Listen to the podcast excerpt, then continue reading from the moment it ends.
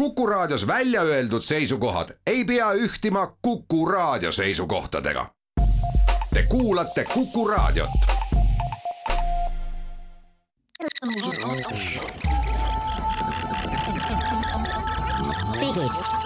digitund. digitund. Tere hommikust, head Kuku raadio kuulajad, on esmaspäev, kahekümne kaheksas märts. kell on seitse minutit üksteist läbi ja algamas on Digitunni saade. stuudios on Indrek Vaheoja, Mait Tafenau ja mina olen Andrus Raudsalu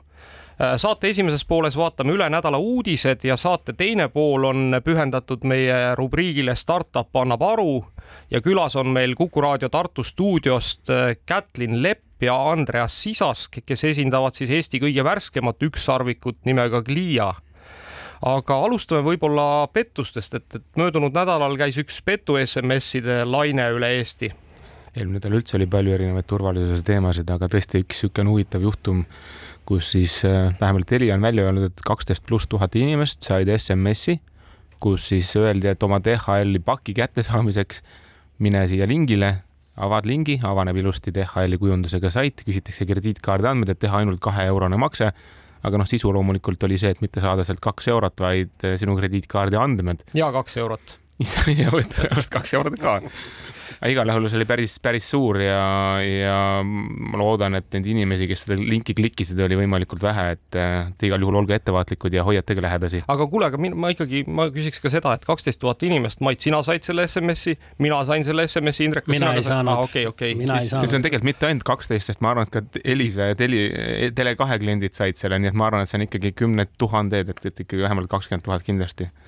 okei okay,, no aga ega, ega jah, see näitab tegelikult seda, et, et tõenäoliselt on, on, ma ei tea, kas see on siis nüüd tehisintellekt, eks, mida need spämmijad on kasutusele võtnud või petturid, eks, et nad suudavad aina paremini ja, ja, ja selgemalt asju targeteerida, et et Eh, noh, ütleme, et kui vanasti said sellise noh, väga vigases eh, inglise keeles või noh, mõnel juhul ka väga vigases eesti keeles kirjutatud Nigeeria kirja, siis näiteks üks minu sõber eh, kirjeldas juhtumit, kus siis möödunud nädalal oli tal kaks sellist episoodi, et et kõigepealt sai ta siis ühelt ülikooli rektorilt kirja palvega siis teha hinnapakkumine järgmise semestri loengu pidamiseks, kusjuures ta peab ülikoolides loenguid, kaasa arvatud selles ülikoolis. ja kaasas oli siis zip fail, mis, kus siis oleks olnud nagu justkui see hinnapakkumise esitamise siis ähm, noh, nii-öelda vorm ja, ja noh, õnneks ta seda ei avanud, selgus, et helistas ülikooli, noh, selgus, et mingisugust hinnapakkumist talt ei oodata, et see, et selge petukiri väga korralikus eesti keeles, väga selgelt nagu noh, ikkagi targeteeritud täpselt temale, eks teades, et ta nagu ülikoolides äh, peab loenguid. ja teine, teine siis episood, mida ta kirjeldas, oli see, et sai oma Facebooki sõbralt siis äh, Facebooki Messengeris teate, et kuule, et ja noh, kõik nimeliselt ja nii edasi, et hei, hei, et kas sa seda videot oled juba vaadanud, et, et, et kliki sinna, et kas sa oled tõesti sina ja et kas sa oled tõesti sina, onju ja noh, loomulikult jällegi, et äh, jättis õnneks klikkimata, nii et äh, me peame arvestama sellega, et, äh, et spämmijad ja, ja, ja pätid on läinud nupukamaks. lisaks oli veel üks pettus, mida ka mina noh, küll ei saanud, aga minu kolleegid said, oli siis selline, et sulle tuli SMS ja teatas seal, et on sulle siis selline hooajaline töö välja valitud, kuna sa oled siis õnnelik inimene ja päevapalka lubati viiskümmend kuni kakssada eurot. ja noh, pidid olema siis väga töökas ja võimeline töötama igal ajal ja siis oli alla siis äh, Whatsappi number, äh, kuhu sa pidid ennast add ima, aga, aga ma pean tunnistama, et äh, minu sõbrad ikkagi olid niivõrd palju nutikad ja teistpidi võttes muidugi ka laisad, et nad ei hakanud sellega edasi tegelema, et nad ei, uurinud välja, kust või kest see pettust nagu toimetas. siit nüüd ütleme, et kõigidele spämmijatele siis väikene vihje ka selleks, et kui tahate Indrekut konksu otsa saada, et siis saatke talle SMS, et lõpuks ometi oled Spotify'st saanud ühe euro asemel kaks, kaks või viisteist eurot, et kliki siia, et see kätte saada. no Ameerikas juhtus juhtum, kus saadeti koju inimestele mälupulk, kus oli kirjas, et Best Buy, üks suur siis kaubanduskett kinkekaart on sellel mälupulgal ja noh, loomulikult see mälupulk siis arvutisse pannes tegeles kõige muuga kui sulle kinkekaardi jagamisega. ta vist esimese hooga seal kohe jooksutas selle Drive'i äh, või näitas, et Drive on kokku jooksnud, eks ole, ja kui äh, siis seal restardiga või millegagi üritasid asja muuta, siis oligi juba tegu tehtud, et siis oli juba hilja just, ja ega need ründed lähevad järjest-järjest kavalamaks, et äh, ka need Nigeeria kirjad täna on tihtipeale nagu uduses keeles, aga, aga ma arvan, et nad järjest täpsemini lähevad ja ja praegu ütleme, minu arust emailipettuste puhul tihtipeale see from aadress reedab ära, kuigi tegelikult ma isegi imestan, et nad kasutavad seal from aadressil, et minu arust see from aadress ei maksa tegelikult midagi. ma võin näidata from aadressi täpselt, et ma saatsin kirja Andruselt ja ma panen replay to aadressi, mis on hoopis peidus, seda seal välja meiliklient ei näita. Ja kui sa replay to teed, siis ta läheb hoopis kuskile mujale ja siis sa seda enam juba ei kontrolli. no mina sedasama, mis ma rääkisin SMS pettus, kus tööd lubati, proovisin siis guugeldada, seal on, on ka selline aadress at miekuo.com, aga ei, sellisest meile tuntavas internetis sellist aadressi ei olnud, aga, aga korra tekkis mul mõte selle koha pealt, et kui sellises massilises koguses saadetakse SMS-i, kas meie siis teenusepakkujad ka kuidagi reageerisid nendele nendele kümnetele tuhandetele SMS-idele peale selle, et okei okay,, nad andsid ametliku teadaande, kas inimestele näiteks saadeti ka SMS-e selle koha pealt? Ega teie ei saanud teenusepakkujalt midagi? ei, ei saanud jah, ja ausalt öeldes siinkohal tahaks tõesti küsida, et, et tegelikult need teenusepakkujad ju teadsid, eks, et kui nad suutsid ka suhteliselt kiire küsimuse peale öelda, et, et kui palju siis neid liba SMS-e saadeti, et, et tegelikult oleks ikkagi ausalt öeldes siin kutsuks küll üles, et, et saatke vähemalt inimestele järgi siis SMS, et kuulge, et tegu on nagu pettusega, et ärge, ärge seda pettust siis äh, tõe pähe võtke. sest noh, ütleme, et kui neid saadeti ikkagi kümneid tuhandeid, siis tõenäosus, et keegi õnnetu oma krediitkaardi andmed sinna pani, on päris suur. Aga, aga noh, ütleme, et, et võib-olla siit koha pealt veel üks, üks teine niisugune turvauudis, et mis näitab ka seda, et, et, et tõepoolest need noh, kõik need võimalikud turvaprobleemid aina süvenevad, on see, et, et lapsus ehk siis see kuulus häkkerite rühmitus kellest me oleme siin viimastel nädalatel ka mitu korda rääkinud, kes on siis erinevate suurte ettevõtete serveritesse sisse murdnud, noh, meenutame siin Nvidiat ja Samsungi nüüd on siis teatanud, et nad on pannud pihta Microsoftist umbes neljakümne gigabaidi jagu siis Microsofti lähtekoodi ja, ja esimesed üheksa gigabaiti sellest on nad vist siis juba kuhugi internetti üles riputanud, noh, mille põhjal siis eks kõik need, kes vähegi tahavad selle, selle baasilt mingisugust eh, jama arendada, suudavad hakata treima järgi, jällegi järjest võimsamaid äh, mingisuguseid viiruseid või, või, või siis muid äh, see vist oli otsimootori kood, eks, et, et põhimõtteliselt siis on võimalik äkki välja raalida, et mille järgi Microsoft oma otsingutes saiti ülespoole paneb ja seetõttu võib-olla tekib mõnel pahalisel võimalus oma saiti ränkida paremini. Ja nii et äh, oleme ettevaatlikud, aga lähme siit äh, muuseas üks niisugune äh, turva äh, uudis, mis, mis seondub ka Ukraina sõjaga ja, ja Venemaaga. äh, möödunud nädalast äh, jäi mulle silma veel, tegelikult on ta vist isegi juba paar nädalat vana, et et ma ei tea, kui muuseas soovitan kõigil vaadata, kes ei ole veel vaadanud, on üks Soome erukolonel, Soome luuraja Martti J. Kari kes siis kuskil kahe tuhande üheksateistkümnendal aastal on pidanud äh, pika loengu siis äh, sellest, et, et, et noh, kuidas üldse Venemaa käitub ja, ja, ja mis, mis need tema käitumise nagu kujundajad on olnud, eks eh, siis tema ja see on muutunud muuseas väga populaarseks, seda on nüüd siin vaadatud umbes miljon korda, eks pärast Ukraina sõja algust, sellepärast et maailmas on tekkinud suur huvi selle vastu, et kuidas siis Venemaad mõista. kaasa arvatud Soomes endas on tekkinud suur huvi, et kuidasmoodi teistmoodi mõista, kui nemad siiamaani seda on teinud. just ja see on Youtube'is leitav, et guugeldage siis seda Marti J Karit, aga nüüd see Marti Kari siis andis ka uue intervjuu just noh, selles valguses, et kuna ta on muutunud väga populaarseks, siis küsiti ta käest, et mida ta siis arvab äh, üleüldiselt üldiselt sellest, et, et kuidas siis Ukraina kriis võiks jätkuda ja mis, mida Venemaal siis, mis üllatusi maailmale veel pakkuda on ja ja, ja üks asi, mis mulle sealt kõrva jäi, oli see, et ta ütles, et,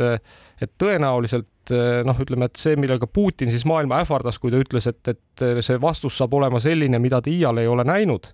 siis tema ütles, et tema arvab, et tuleb suur küberrünnak ja noh, ütleme, et mõned siis sellised äh,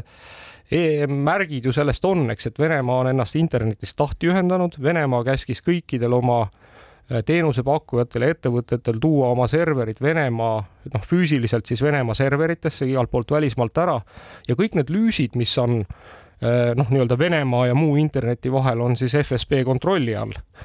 ja, ja, ja kui me nüüd mõtleme ka selle peale, et kaks suurt Ameerika äh, võrguoperaatorit tegelikult lahkusid või ühendasid ennast Venemaast lahti või Venemaa enda küljest lahti, eks just selle tõttu, et nad ütlesid, et nemad ei taha olla küberrünnakute kandjad, siis äh, see tundub päris hirmutav, et sealt võib-olla tõesti ootab meid ees mingisugune suuremat sorti rünne aga noh, mis puudutab veel Ukrainat, siis siin möödunud nädala ja ka varasemate sündmuste valguses peaks olema siis kas juba vastu võetud või vastuvõtmisel seadus, mis siis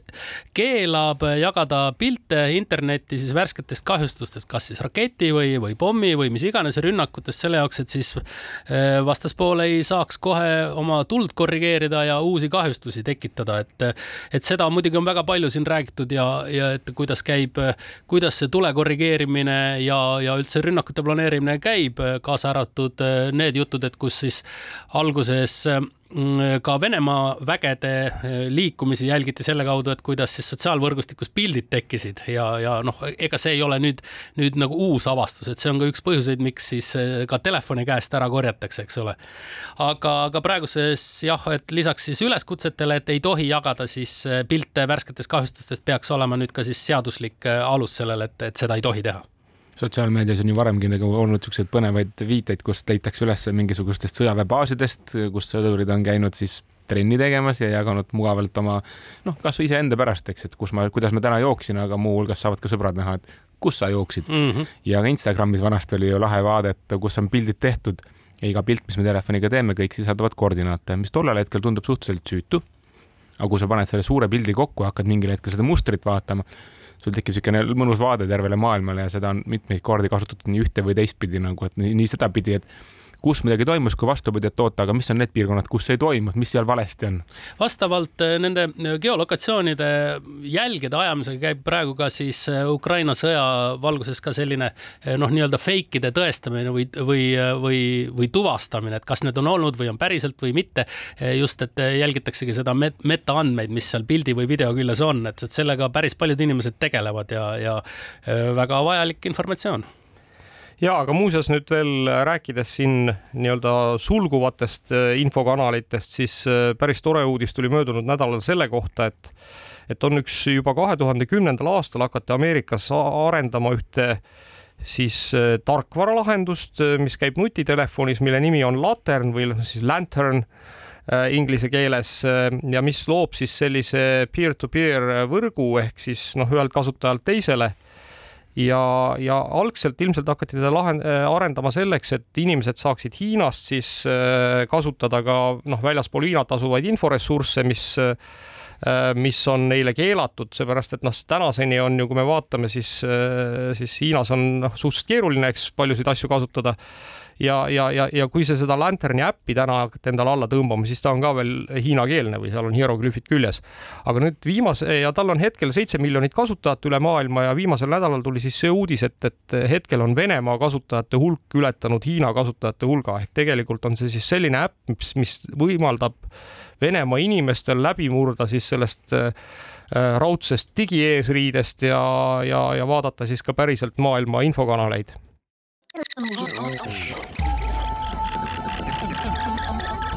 digid,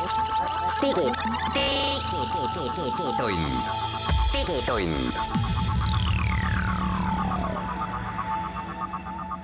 Tere tulemast tagasi Digitunni lainele. stuudios on meil Indrek Vaheoja, Mait Tafenau ja mina olen Andrus Raudsalu. eelmises veerandis tegime ülevaate maailma uudistest ja nendega ka jätkame. nüüd siis sellel eelmisel nädalal, vabandust, jõudis siis äh, üldsuse teadvusesse üks väga oluline seadusemuudatus, äh, mille nimi on siis Europe's Digital Markets Act ehk eesti keeli ilmselt siis Euroopa digituru seadus. ja, ja see on siis seadus, millega hakatakse reguleerima äh, väga suuri ettevõtteid, neid nimetatakse siis nii-öelda väravavalvuriteks või gatekeeper iteks ja, ja ettevõtted on siis sellised, eh, need tingimused, kuidas sa siis selleks väravavalvuriks saad, on see, et sul peab olema äh, vähemalt seitsekümmend viis miljardit eurot turuväärtust või äh, käivet Euroopa Majandusühenduses üle seitsme ja poole miljardi euro aastas või siis nelikümmend viis miljonit igakuist kasutajat Euroopa Liidus. ja noh, tundub, et see hetkel siis rakendub selgelt Äh, alfabeedile ehk siis äh, Google'i emafirmale koos siis kõigi tema nagu igasuguste muude üksustega Metale ehk Facebook, Instagram, Whatsapp ja nii edasi, Apple'ile ja Amazonile ja noh, võimalik, et ka Alibabale ja noh, võib-olla veel mõnele sellisele nagu näiteks booking.com nii et noh, kõik need suured ettevõtted, kes täna, eks, kelle, kelle, kellega on olnud pidevalt see probleem, et ka Eestis, et nad ei maksa Eestis makse, viivad siit turult ära raha ja noh, ütleme, kasutavad siis meie, meie inimesi noh, nii-öelda oma kaubana, aga, aga meie turule midagi maha ei jäta. nii, aga mida see seadus siis täpsemalt reguleerima hakkab? See seadus hakkab nüüd siis reguleerima just seda, et suures osas seda, et, et kuidas siis sedasama inimest saab kaubastada. Ehk eh, suures pildis keelatakse ära eh, siis reklaamide poolt inimese jälgimine. Ehk noh, see nagu me kõik teame, eks, et kui olete korra vaadanud kuskil ühte reklaami, siis see reklaam jälitab teid veel võib-olla kuu või kaks erinevates kanalites. kusjuures siis noh, nüüd on ju pikalt olnud ka neid eh, diskussioone, et Google on välja pakkunud erinevaid lahendusi, et, et kuidas siis sellest eh, noh, sellisest klassikalisest küpsisepõhisest jälgimisest minna mingisuguse teise jälgimise juurde. ka need on keelatud, ühesõnaga praktiliselt igasugune jälitamine on keelatud, juhul kui kasutaja ei ole sellega nõus, nii et kui te olete nõus, siis loomulikult on võimalik kõiki neid asju teie peal rakendada. ja nüüd teine oluline siis muudatus on see, et nõusolekut tohib kasutaja käest küsida üks kord aastas. see tähendab siis selle konkreetse teenuse poolt? jah, nii et, nii et kui te olete korra öelnud, et ma ei ole nõus, eks siis ei või teid pommitada sellega, et kuule, et äkki oled ikka nõus. äkki nüüd sa täna tahad, eks ju. Mm -hmm. siis teine oluline asi on see, et et avatakse nii-öelda mobiil, noh, ma arvan, et see on põhiliselt mobiiltelefoni tootjatele suunatud mobiiltelefonide opsüsteemid. ehk tegelikult peab olema võimalus siis kasutajatel installida igasugust kolmanda partei tarkvara, olgu see siis noh, ma ei tea, kas brauser või, või, või, või mingisugune muu rakendus, noh, minu pärast kasvõi SMS-i rakendus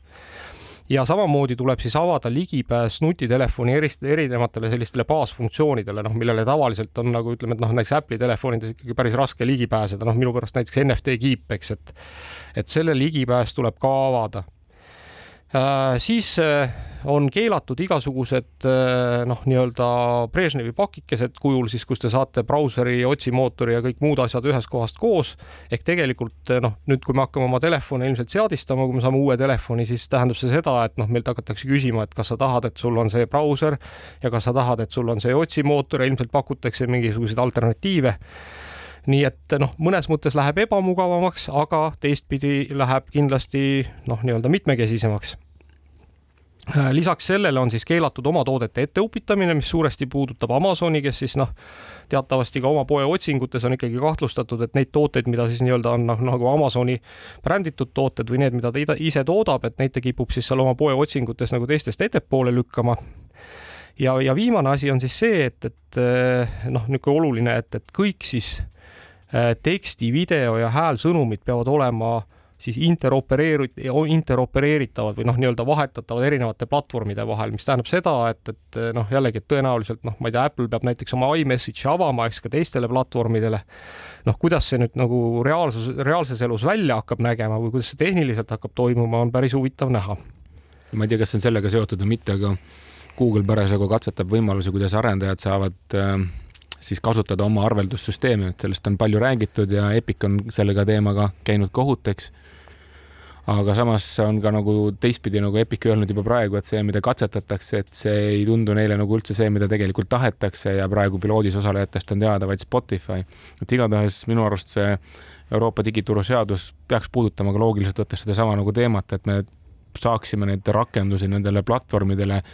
ka kuidagi muul juhul kui rakenduse omanik ise, sellepärast et muidu tekib olukord, kus ühel hetkel kogu maailm ongi enam-vähem Apple'i kontrolli all ja Google'i kontrolli all, sest noh, need on kaks platvormi ja kellelgi teisel ei ole ühtegi sõnaõigust. ja muuseas, ühe asja ma unustasin ära öelda, et, et, et üks, aitäh, Mait, et sa seda mainisid, et üks oluline point on ka, on ka siis see, et et platvormitel keelatakse ainult mingi ühe teatud maksemeetodi eelistamine või maksemeetodi nõudmine. ehk, ehk sisuliselt noh, kui me vaatame, mis on toimunud, eks, et, et viimasel ajal noh, Hollandis on siin toimunud, eks pikalt see noh, saaga, kus siis mingisugune Hollandi kohtingu äpp kaebas Apple'i kohtusse selle tõttu, et Apple siis küsis nende, nende käest läbi siis Apple Store'i noh, seda oma tavapärast kolmekümmet protsenti. ja tõepoolest siis Hollandi regulaator mõistiski seda, et vähemalt kohtingu äppidel peab olema võimalus küsida raha alternatiivselt ja noh, siis Apple tegi muidugi vastulahenduse, eks, kus ta ütles, et et jah, et okei okay,, et maksavad siis kakskümmend seitse protsenti on ju ja raporteerivad kõik siis, eks, et kellele nad müüvad noh, mille peale Hollandi regulaator on öelnud, et ei, et see ei ole piisav lahendus. nii et noh, tegelikult on minu arust vist viimased umbes poolteist kuud on siis Apple'ile iga kahe nädala tagant tehtud mingi viis miljonit dollarit või eurot trahvi. noh, sellesama eest, et ta ei ole siis seda Hollandi regulaatori justkui nagu ettekirjutust järginud, nii et see, see saaga käib edasi. aga tarbija mõttes läheb ju ikkagi kõik palju mõnusamaks ja, ja ikkagi paremaks, mulle tundub, seepärast sa ei ole kindel või tähendab, sa ei ole kinni ainult mingites kindlates siis ma ei tea, mis iganes, kas siis teenustes või maksevõimalustes, vaid et, et sul on nagu variante tekib ju palju rohkem. teate, ma arvan isegi, et demokraatliku maailma nagu alustalaks on see, et meil ei oleks nagu pehmelt öeldes üks Tim Cook on ju, kes saab otsustada nagu Põhja-Korea, et, et siia ei tule ja kõik mm. -hmm. valikud peavad olema. Ja aga valikute juurde veel ja Spotify on äh, otsustanud nüüd siis äh, oma teenused Venemaale lõpetada, kui siis me teame, et tasulised teenused lõpetati juba varem. Äh, on nüüd teada antud ka see, et tasuta teenused samamoodi lõpetatakse ja põhjuseks on siis uus fake news'i vastane seadus, mis Venemaal vastu võeti ja, ja ei ole selles valguses siis võimalik enam asju edasi ajada, et, et mõistlikum on siis ära katkestada, hoolimata sellest, et noh, võiks olla, võiks olla siis teenus kasu, kättesaadav, aga nii on öeldud. samal ajal andis Tesla Saksamaal välja esimesed autod. et Tesla tuli nüüd Euroopa tehasest, et see natukene juhuu, loodame, et hinnad lähevad alla ja mis vist, mida vist küll lähiajal autotööstuses loota ei ole, aga aga, aga ja et, et, et muuseas rääkides üldse, et võib-olla ma siit äh, Tesla juurest hüppaks kohe edasi kosmose juurde, et, et. ma ütlen on... sulle enne kosmost äh, niimoodi, et kümme tuhat autot äh, nädalas kahe tuhande kahekümne teise aasta lõpuks lubatakse sealt. aa, no välja. väga palju, väga palju ikkagi ei ole ei, see ei ole väga palju. no samas ikkagi, arvestades praegu ei ole neid äh, nagu üldse, siis see on ikkagi väga no, palju. seda küll jah, aga kui me nüüd vaatame seda, et siin Toyota tehastes olid, on olnud viima, praktiliselt igal viimasel nädalal vähemalt ühepäevane seisak Jaapanis, noh, erinevatel põhjustel, küll küberrünnakute, küll maavärinate tulemusel ja siis iga päev on jäänud tootmata, iga päev, kui on seisak olnud, päev on jäänud tootmata umbes kakskümmend tuhat autot, nii et no, ma tunnen no, kaasa kõigile neile, kes uut Toyotat ootavad. edaspidine Teslade siis äh, väljalaskevõimsus sellest tehasest peaks olema viissada tuhat aastas no ilusad numbrid, numbrid no, on ilusad. väga tore jah, aga, aga selles mõttes, et, et äh, räägime Teate, siis. numbrid näitavad minu arust ühte huvitavat asja veel, et kui me võrdleme Teslat ja Toyotat, siis minu arust Tesla on nagu innovatsiooni nagu tippklass, eks ju, kõige paremad autonoomsed juhitamise abid ja kõik muud ja teisest küljest Toyota, eks ju, kellel on nagu minu arust nagu kõige kiviaegsemad tehnoloogiad ja on näha, et turg nõuab tegelikult töökindlat ja võib-olla kiviaegset asja, et päris huvitav. Kuulge, aga kiviaegsetest asjadest rääkides, et, et mul on hea meel, et, et, et siin mõned nädalad tagasi äh, Roskosmose juht äh, Dmitri Rogožin teatas, et ameeriklased hakkavad nüüd edaspidi luua seljas kosmosesse lendama, kuna Venemaa neile enam raketimootoreid ei tarni siis eh, noh, ja muuseas SpaceX on kogu aeg lennanud, eks, et minu arust SpaceX on saatnud oma Starlinki satelliite eh, vist eh, kosmosesse praktiliselt igal nädalal ühe järgmise portsu, nii et hetkel peaks seal neid olema juba üle kahe tuhande mis, mis teeb sellest ikkagi väga tõsiseltvõetava uue kommunikatsiooni infrastruktuuri, aga aga nüüd teine tore uudis on see, et, et siis noh, lisaks Elon Muskile suudab ka Ameerika valitsus ehk NASA kosmoserakette kokku panna ja, ja, ja tõesti on siis stardiplatvormidel, stardiplatvormile viidud siis uus eh, rakett koodnimega SLS ja, ja tegu on siis maailma ajaloo võimsaima kosmoseraketiga. ja, ja ilmselt eh, nii palju, kui minu andmetel on, see start peaks olema paari nädala pärast ehk see on siis seesama rakett, mis hakkab teenindama ka NASA siis Artemise programmi ehk siis eh, seda programmi, millega kavatsetakse viia kuule ka esimene naisterahvas. Ja, ja kus siis inimesed peaksid kuu pinnale uuesti astuma minu arust kas kahe aasta pärast või? kusjuures ma ei tea, kas see on sellega seotud, aga oli välja tulnud üks uurimus, et et kui Elon Musk samas tempos jätkab, siis kahe aasta pärast on ta maailma esimene triljonär no aga on mees ka seda väärt, et äh, pole teiste ühegi teise tüübi käest nii suures koguses ideid ja mitte ainult ideid, vaid ka nende teostamist ikkagi ka näinud, et jutumehi me oleme ennemgi kõik näinud, aga noh, Musk muide kiitis äh, siin ka ju äh, Vene raketimootoreid, ütles, et need on tõesti head asjad, aga, aga meil enam neid vaja ei lähe ja saame edaspidi ise hakkama. aga muide, mis puudutab Elon Musk'i, siis äh, ta jätkab ka ühte trendi, mida siin viimasel ajal tehakse, et kuna siis äh, Twitter Mm, tema arvates piirab sõnavabadust, on ta välja öelnud, et ta plaanib hakata siis oma sotsiaalmeedia platvormi looma. nagu Trump on juba teinud, eks ole, me teame ja, ja noh, venelased teevad siin oma platvormi ja Musk ütleb ka, et tema on väga suur sõnavabaduse ja demokraatia pooldaja ja on vaja siis teha siis uus täiesti vaba platvorm. no miks mitte jah, palju, alati on suurem hulk valikuid on alati parem kui vähem, väiksem hulk valikuid. kuulge, aga, aga täiesti teisest ooperist üks, üks, üks ka minu arust väga oluline uudis, mis näitab seda, et kui kaugele me oleme siis ikkagi oma tehnoloogia arengus jõudnud, on see, et et Hollandis eelmisel nädalal avati siis, ma ei suuda seda nime välja öelda, ma võin proovida, OJZ aht Achterburg ta jääb. Amsterdamis siis vot selle nimega kanali üle. Eh, avati uus niisugune eh, jalakäijate ja jalgratturite sild eh,, mis on siis eh, 3D prinditud robotite poolt ja metallist 3D prinditud ehk siis, äh, ehk siis äh, seal on üks Hollandi startup nimega MX3D ja siis äh, Londoni Imperial College on siis koostööd teinud ja see on siis selline sild, mis on pandud mingisuguse ühe vana silla, mis läks remonti asenduseks. ta kaalub kõigest neli tuhat viissada kilo, nii et ta on nagu selline väga-väga noh, ütleme, et siis niisugune kärjesarnase struktuuriga ja, ja mis on veel tore, et ta on täis ehitatud siis kõikvõimalikke sensoreid, mis siis mõõdavad seda, et kui palju inimesi sealt üle käib, kui kiiresti nad käivad, kui kiiresti rattad sõidavad, kui palju sild tuule käes väriseb ja nii edasi, et et noh, loodetakse, et, et see siis see sild annab ka kõvasti tagasisidet sellesama äh, metallist 3D prinditud struktuuride vastupidavuse üle. aga nüüd läheme siit reklaamipausile ja tagasi tulles hakkame kõnelema juba kõige värskemast Eesti ükssarvikust, mille nimi on Glia.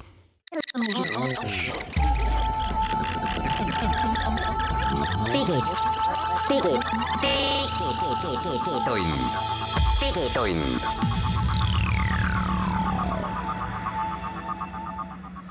digitunni saade jätkub, stuudios on meil Indrek Vaheoja, Mait Tafenau, mina olen Andrus Raudsalu. Ja nüüd me jätkame siis oma rubriigiga Startup annab aru. Ja meil on äh, Tartu stuudios Kätlin Lepp, kes on äh, Eesti värskeima ükssarviku Glia äh, ingliskeelne ametinimetus on Director of People Operations ja Andreas Sisask, kes on siis äh, tootejuhtimise direktor sealsamas Glias. tere tulemast tere, tere. tere. kuulge, aga ma küsin kohe esmajärjekorras, et, et ega vist Eesti inimesed Gliat väga ei tea ja ei ole Glia teenustega kokku puutunud, et mis asja te õigupoolest siis teete ähm,? Glia on selline järgmise põlvkonna klienditeenindusplatvorm ja ütleme, tavainimene seda tänavalt nagu otseselt ei näe, et äh, eriti, eriti Eestis mitte, et see on ettevõtetele mõeldud tarkvara. et kui natuke rääkida nagu sellest probleemist, niisugusest kandvast probleemist, kust, kust Glia nagu alguse sai, siis siis juba mõnda aega veedavad tarbijad suure osa oma ajast erinevate suuruste ekraanide peal või ekraanide taga ja saavad enamuse toodetest ja, ja teenustest kätte sealt nagu lahkumata, et aga siis, kui neil ühel hetkel tekib küsimusi, et midagi ei tööta või midagi aru, arusaamatuks, et siis tuleb abi otsima minna kuhugi mujale, tuleb oma tegevus seal katkestada, otsida kuskilt telefoninumber või email, siis, siis helistada ja kui nad lõpuks siis ühendust saavad, siis nad peavad hakkama selgitama, et jah, ma läksin sinna, tegin seda asja, siis juhtus see, eks ju. ja, ja see on, see on siis nagu probleem tarbija seisukohalt, et meie eesmärk on see, et tarbija saaks abi täpselt seal, kus ta digitaalses maailmas parasjagu abi, asub ja ühe klikiga ja see kontekst oleks ka nagu teisele poole äh, kohe, kohe kättesaadav, et, et me võimaldame näiteks äh, siis brauseri sisuga klienditoe operaatoril kohe näidata, et, et nad siis näevad, mis selle, äh, mis selle mm, kliendi mure on. et klienditugi ei peaks kunagi küsima, et kuidas ma saan teid aidata, vaid pigem ütlema, et, et las ma nagu näitan, kuidas see, kuidas see asi käib saad sa täpsustada, et mida see tähendab, et milles see nagu uudsus innovaatilises on, et me nüüd lehekülgede nurgas neid chatibot'e oleme kõigil vist juba näinud, eks. aga see, mida sa just kirjeldasid, kõlab täpselt niimoodi, et põhimõtteliselt klienditeenindaja saab terve ülevaate sellest, mida ma juba tegin või, või kuidas see siis on? jah, et et hea, hea, hea point, et nüüd veebilehele nagu visatud lisatud jutumulle on, on nähtud äh, päris pikka aega, aga äh, kui me võtame, vaatame neid nagu natukegi suurema nagu ettevõtte kontekstis, tegelikult äh, tekitab nagu probleeme juurde võib-olla isegi. et, et tihtipeale see suhtlus ongi piiratud ainult veebilehega, et kui ettevõttel on näiteks mobiiliäpp, eks ju, siis seal mingit tuge sellest nagu väga ei ole siis seesama asi, et, et see kontekst nagu selles mõttes jääb ikkagi puudu, et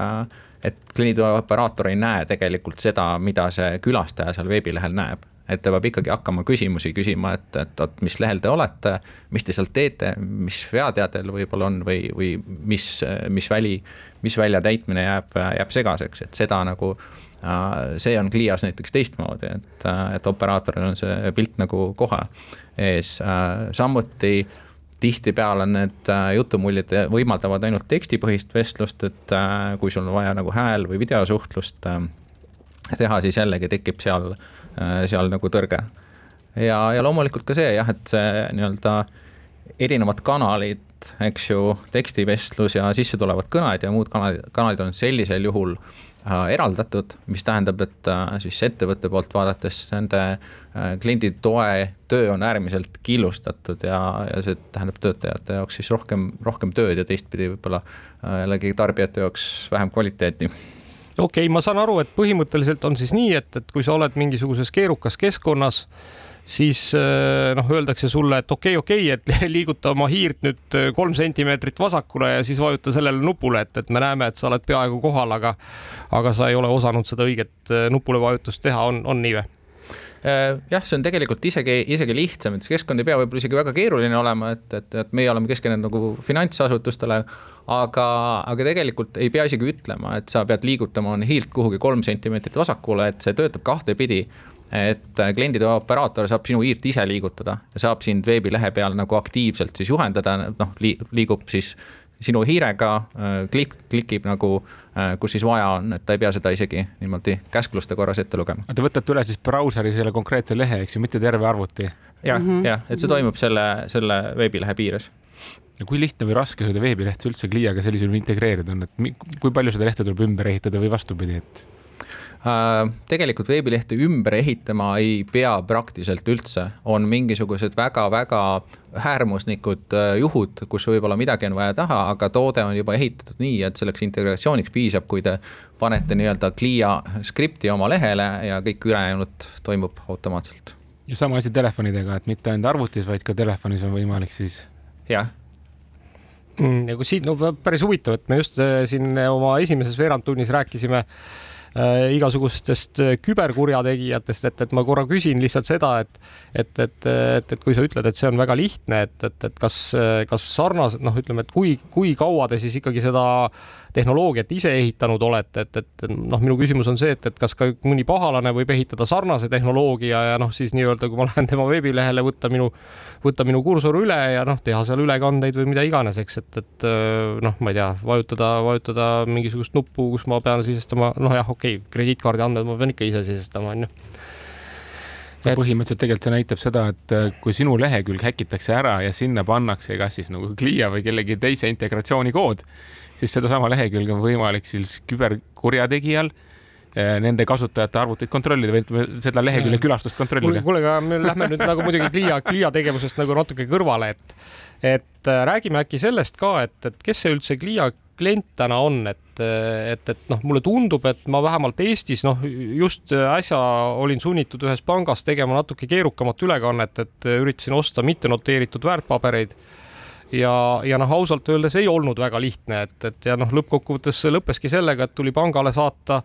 noh, ikkagi tavaline digiallkirjastatud avaldus selle tegemiseks, aga, aga noh, selleks, et selleni jõuda, pidin ma ikkagi helistama kliendi tukke ja nii edasi, et kas Eestis on ka keegi, kes on Clia klient ja kes suudaks mind juba niimoodi juhendada, et ma ei pea enam helistama kliendi tukke? Eestis äh, kahjuks meil ühtegi klienti ei ole Äh, väga tore oleks, kui, kui mõni oleks, et Eestis ma arvan, selliseid äh, suuremaid fin-, finantsasutusi, kes, kellel nagu Clia nagu sobib, on, on päris mitmeid. Ma arvan, et see on aja küsimus, kui meil Eestis ka mõni, mõni klient tekib. aga meie põhiturg on ikkagi Põhja-Ameerika praegu. Et seal on meil hästi palju hoiu-laenuühistuid, kes on meie kliendid, nemad on niisugused, meie jaoks niisugused keskmised ja, ja väiksema Äh, suurusega kliendid, neid on umbes kakssada viiskümmend seal, aga siis lisaks neile ka sealt siis äh, pangad ja kindlustused. Äh, ja, ja samuti Kanadast on meil mõned kliendid ja, ja märkimisväärne osa tegelikult võib ka öelda juba, juba Ladina-Ameerikast aga teil kogu turg on suhitud ikkagi siis finantsasutustele või on ka keegi teine või ma ei kujuta ette, et kas Eestis näiteks mõni kaubanduskett võiks ka teie poole pöörduda, et tahaks ka endale pakkuda niisugust paremat kliendikogemust täna me keskendume jah finantsasutustele, et, et me leiame, et meil on seal päris palju veel teha, me leiame, et me oleme selles päris head ja me täna tahame sinna keskenduda. Jah, et, et see aitab meil fookust hoida ja kuna finantssektoris on nii palju ruumi, siis me nagu fookuse hoidmisega hetkel saavutame ilmselt seal suurema kasvu kui see, kui me läheksime muid sektoreid püüdma.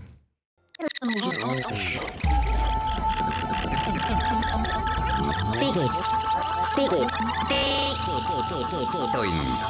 digitund digitunni saade jätkub, stuudios on Indrek Vaheoja, Mait Tahvenau, mina olen Andrus Raudsalu ja meile on äh, siin Digitunnis aru andmas värske Eesti ükssarvik äh, nimega Cliia ja Cliat esindavad äh, Tartu stuudios Kätlin Lepp ja Andreas Sisask aga lähme võib-olla, me nüüd natuke rääkisime Clio tootest, et, et räägime ka sellest, et kuidas üldse Clio alguse on saanud, et, et kust selline idee tuli ja, ja, ja miks te just äh, Eesti startup'ina läksite Ameerikasse oma teenust pakkuma esimesena mm? -hmm. et äh, saab sellel aastal kümneaastaseks juba. Äh, kusjuures on vist ainukene, ma arvan, ükssarvikutest kindlasti ainukene, aga, aga ka ei ole liiga palju startup'e, kes on välismaalaste asutatud. Äh, selline on, Clia founder'id on tegelikult kõik äh, mujalt pärit. Äh, üks neist siis Carlos Paniagua, kes tuli Eestisse Tartu Ülikooli magistrit tegema, siia jäi kus see mõte tuli, siis paralleelselt äh, teised kaks töötasid Ameerikas, enne teil eelmises või üle-eelmises plokis käis Best Buy äh, jutust läbi, siis töötasidki minu meelest Best Buy's klienditeenindaja või klienditeeninduskonsultantidena ja nägid, et seal oleks kõvasti tööd vaja teha, et see klienditeenindus kuidagi paremaks saaks äh,. tulid mõtte peale, Carlos samal ajal nägi, et Eestis on väga suur potentsiaal äh, tarkvara äh, sektoris siis tööjõu näol äh, tegime, äh, rajasimegi põhimõtteliselt siis IT äh, nii-öelda suunaga rollid või, või meeskonnad siis Tartusse, tegelikult meil on inimesi võrdselt nii Ameerikas kui Eestis, et ei ole nii, et meil on äh, ettevõte Eestis ja kliendid USA-s, Kanadas ja, ja mujal. et, et meil on üsna võrdselt, on, on Eestis peamiselt IT-rollid, on USA-s peamiselt müügirollid siis. okei okay., aga, aga ütleme, et et, et kui, kui vaadata, siis, siis kuidas, kuidas üldse kaks välismaalasest nii-öelda founder'it noh, miks, miks nad otsustasid, et, et nad ei, nad ei tee täielikult välismaa ettevõtet, et, et mis, kus see siis see Eesti võlu peitus? -hmm. no Carlos selle peale juba, kui ta oli siin magistri ära teinud, oli Eestis, tegelikult nad on kõik üsna suured Eesti fännid, aga, aga ma arvan, et see noh, võlu või, või miks see nii alguse sai, oligi see, et Carlosel juba oli siin mõte Eestisse jääda. Äh, tal oli juba tekkinud ümber kogukond äh, tarkvaraarendajaid, Liia alguses oli väga väikene. Äh, piisaski nendest, sellest väiksest sõpruskonnast, kes, kes natuke midagi Tartus tegi. hiljem, kui me hakkasime päriselt müüma ka, siis oli vaja inimesi, kes oleksid ka kohapeal üle ookeani siis teisel pool müümas. Dan ja Justin ise siis olid ka Ameerikas ja nõnda ta hakkaski kasvama, kasvas äh, Tartust, kasvas äh, Ameerikast, meil on kontorid äh, Tartus, Tallinnas, New Yorgis, tegelikult täna on meil töötajaid Ameerikas kahekümne viies eri osariigis. vaikselt laienesime nii. Kuule, aga sa ütled, et teil on juba kahekümne viies osariigis töötajad, palju üldse Clias töötajaid täna on? Clias täna on ligi kakssada viiskümmend, duubeldasime siis mis see eestikeelne sõna on, inimeste arvu äh, eelmise aastaga ja duubeldame selle aastaga veel. kas siis põhiliselt Eestis või Ameerikas? üsna võrdselt. palju ja kuidas nad jagunevad, praegu on vist võrdselt jagunevad ka Eesti ja Ameerika vahel või enam-vähem inimesed? jah, Eesti ja Ameerika enam-vähem, see on tõesti mingi viie pluss miinus viie inimese küsimus vist, et nad on enam-vähem võrdselt viiskümmend protsenti töötajatest siin, viiskümmend seal. aga mis on niivõrd kiiresti kasvava ettevõtte nagu kõige suuremad väljakutsed? Ohohoo, noh, ma mõtlen mina, mina räägin siin pigem inimestest, Andreas, tehnoloogiast, et ma võin inimeste poole pealt öelda, et, et alati järjepidevalt kuuleme me kõikidest IT-ettevõtetest, et kui raske on talenti leida, et et, et kui sa oled sellises hüperkasvu staadiumis, siis ka siis on jah äh,, aga, aga see ei tähenda, et, et me kasvame kiiresti ja võtame kõiki. teisest küljest, kui sul need inimesed palgale on võetud, kas siis, kas see on juba lihtne või sealt on edasi ka mingid teemad, et sa pead ju kuidagi nad kõik lainele saama? vaata, sellise kasvuga on see, et kui sa võtad nii peale, nii palju peale uusi inimesi äh,, siis neid kõiki peab hakkama nii-öelda onboard ima, neid kõiki peab toetama, et, et ühel hetkel ja praegu see hetk vist ongi, et meil ongi hästi palju on uusi inimesi äh, peal, et eks see on ka jah, selline nii-öelda kasvu valu või võlu mm. -hmm kuule, aga minu küsimus on ka see, et, et kas founder'id täna põhilise osa oma ajast veedavad Eestis või hoopis Ameerikas?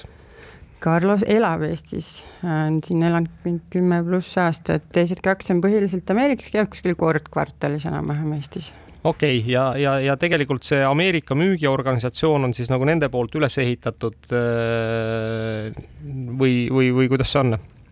Pigem jah, Carlos on meil see, kes vastutab nii-öelda IT poole eest, Dan on pigem müügipoole eest ja Justin on kuskil seal vahepeal strateegilised asjad, legal äh,, toode kuulge, aga räägime, räägime natuke raha tõstmisest ka, et et mitu raha tõstmise raundi üldse Clia ajaloos on olnud? no see oli D nüüd. D ehk siis neli. ehk siis neli. okei ja seed, seed eh, midagi siukest, eh, pre-seed'i ei lähe üldse sinna alla? alustasite kohe A-raundist? see on, see on hea küsimus, sellepärast et meie oleme suhteliselt eh, hilised liitujad Kätliniga mõlemad, et mina olen olnud kolm aastat, nii et ma isegi ei oska sellele küsimusele vastata. okei okay ma igaks juhuks jään ka vastuse võlgu, jah aga võib-olla räägime natuke tehnoloogilistest väljakutsetest, et mis on kõige suuremad tehnilised väljakutsed um,? Ma arvan, et äh, platvorm tervikuna on üks, üks väga suur tehnoloogiline välja, väljakutse, et võib-olla üks meie edu aluseid on olnud see, et see visioon, mis meil on olnud, et, et see ei ole olnud nüüd nii väga originaalne selles mõttes, et analüütikud nagu selles valdkonnas kuskilt Forestist ja, ja, ja Gartnerist on, on, on rääkinud nagu sarnastest asjadest nagu selles valdkonnas. Ma ei tea, juba viis, viis aastat võib-olla, aga me oleme esimesed, kes võib-olla on midagi sellist nagu päriselt äh, valm-, valmis teinud ja realiseerinud, et äh, no, alustuseks on tegemist kommunikatsiooniplatvormiga, kus inimesed suhtlevad äh, üksteisega reaalajas, mis juba omakorda või omaette on üsna, üsna keerukas, aga sinna juurde tuleb see aspekt, et see funktsionaalsus, mis seal platvormil on, on, on, on päris, päris lai, et see nagu noh, inimestevaheline suhtlus, mis juhtub, on selline väga väike Äh, jäämäe tipp ja, ja kui lisada sinna juurde veel, et see platvorm peab olema nagu äärmiselt turvaline, et seda kasutavad finantsettevõtted. Äh, see peab püsima kakskümmend neli seitse üleval, sest äh, klienditugi peab olema kättesaadav. ja, ja lisaks ta peab tulema veel toime ka sellise noh, ajutise või, või pikemaajalise koormuse kasvuga pidevalt, et siis nagu äh, tehnoloogia poolelt vaadates jah, ütleme, et äh, et ühelgi tarkvarainseneril nagu meie juures igav ei hakka, pigem on vastupidi, et, et vähe on neid, kes, kes kõikide nende keeruliste asjadega äh, suudavad nagu sammu, sammu pidada ma kujutan ette, et igasugused brauseri uuendused veel teie elu kergemaks ei tee, et kogu aeg tuleb täiendavaid piiranguid, mida brauserid lubavad teha, mida ei luba teha. Jah, jah, see on ka kindlasti üks, üks osa nendest väljakutsetest. kuulge, aga ma küsin üldse, et, et kust see Clia nimi tuleb või mida see Clia nimi tähendab? Clia vist, nii palju kui ma tean, on, on, tuleb kreeka keelest äh, ja, ja see sõna tähendab, äh, või selle sõna algupärane sõna tähendab liimi vist, et kokku liimima, et, et nõnda me liimime siis need kliendid äh, enda klientide külge ja enda töötajad üksteise külge ja nii edasi. Clia tähendab ka vist mingit ajurakku tegelikult. Mhm. okei aga nüüd öelge, öelge ka seda, et eh, kas, kas te täna näete seda, et Ameerika turg on, on see, kus te veel lähemal aastal või lähematel aastatel kavatsete kasvada ja noh, ütleme siis need mingisugused ümberkaudsed ka või olete mingisuguseid täiesti uusi turge ka avastamas? Ehm, ja seal me kasvame Ameerika turu peal võib-olla nii-öelda absoluutnumbrites kindlasti veel mõnda aega kõige rohkem, aga lisaks siis nendele mainitud kohtadele, mis ma enne ütlesin, me vaatame nüüd aktiivsemalt Euroopat ka. et Euroopas meil on võimekus olnud pikka aega olemas ja meil on Euroopas isegi mõned kliendid ka, kes on meid päris mitu aastat kasutanud aga me ei ole aktiivselt nagu müügijõudu siia suunanud ja, ja me plaanime seda sellel, sellega sellel aastal alustada mm. -hmm palju, palju see kogu see Covidi pandeemia teile tuult tiibadesse andis, et noh, mulle tundub, et see, et äh, inimesed noh, ma ei tea, eriti Ameerikas, eks ei käinud pangas ja noh, tead, teades seda, kui kui noh, vähemalt minu hinnangul suhteliselt kehvakesed on nende pangateenused, et siis tundus, et on täitsa mõistlik, et nad vajavad sellist äh, abi ja lisateenust, et äh, kas see Covid andis teile kõva boost'i või, või olite tegelikult juba ennem seda päris heal kasvulainel? no me olime enne seda, aga, aga tuleb tunnistada, et andis küll jah, et olukorras, kus sa ei saa minna kodust välja, äh, kus on asutused suletud, aga on vaja siiski teha mingeid tehinguid, siis, siis andis tõuke küll äh, näitas selgelt ära, et, äh, et sellist teenust on vaja tegelikult ja maailm ongi muutunud ka pärast seda ja võib-olla lisaks siia juurde, et see, see kodust välja minemine ei puudutanud ainult siis tarbijaid, kes oleks pidanud panka minema, vaid see tegelikult, tegelikult puudutas nagu kõnekeskuse inimesi ka mm. -hmm. et, äh, et me tegelikult äh,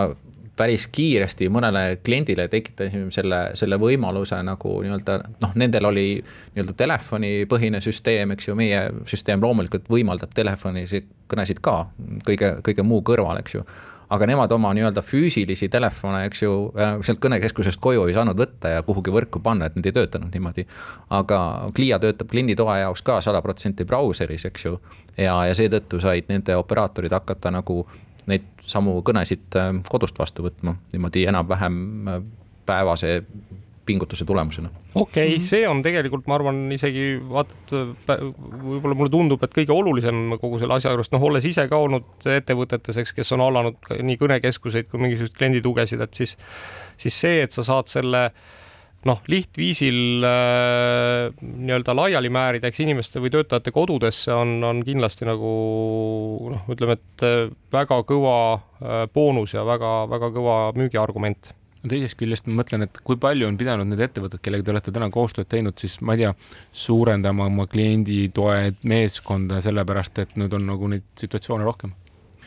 Ähm, see pigem on vastupidi, et huvi, huvitav on see, et, et kui kliendid lähevad Clia peale üle, siis tihtipeale juhtub nagu kaks sellist nagu mingis mõttes vastandlikku asja korraga. et nende ühest küljest nagu nende klienditeeninduse kvaliteet läheb paremaks tarbija suhtes aga tegelikult ka nende operaatorid on märksa rohkem rahul ja teevad palju rohkem ära. aga sellega me peame nüüd kahjuks lõpetama, aeg ei ole kummist. aitäh Clia inimestele, soovime teile edu ja järgmine digitund juba nädala aja pärast.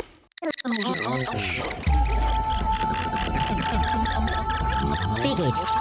digi, digi, digi, digitund, digitund